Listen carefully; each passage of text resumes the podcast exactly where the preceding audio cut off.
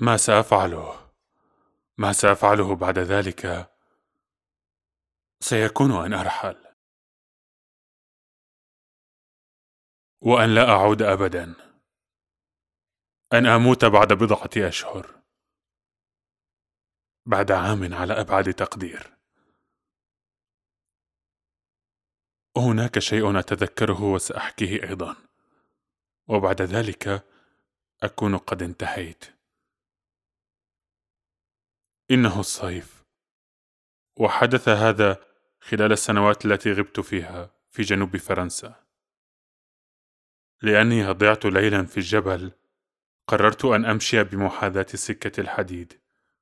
عسى أن يجنبني هذا الضياع متاهة الطريق.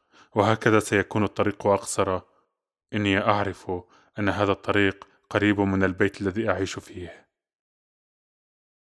في الليل لا يمر أي قطار فلا خطر علي. هكذا سأتعرف على طريقي. في وقت ما ها أنا على بداية جسر هائل. إنه يشرف على الوادي الوادي الذي أتخيله بفضل ضوء القمر. أمشي وحدي في الليل.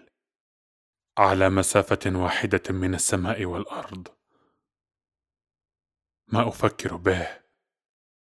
وهذا ما أرغب بقوله.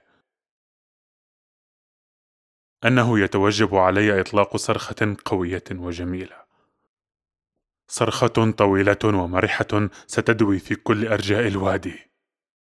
هذه هي السعادة التي يتوجب علي أن أمنحها لنفسي. أن أزعق مرة واحدة حاسمة. ولكني لا أفعل ذلك. لم أفعل ذلك. لم أفعل.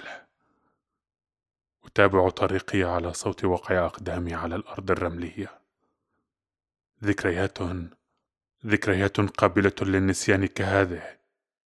هذا ما سأشتاق إليه.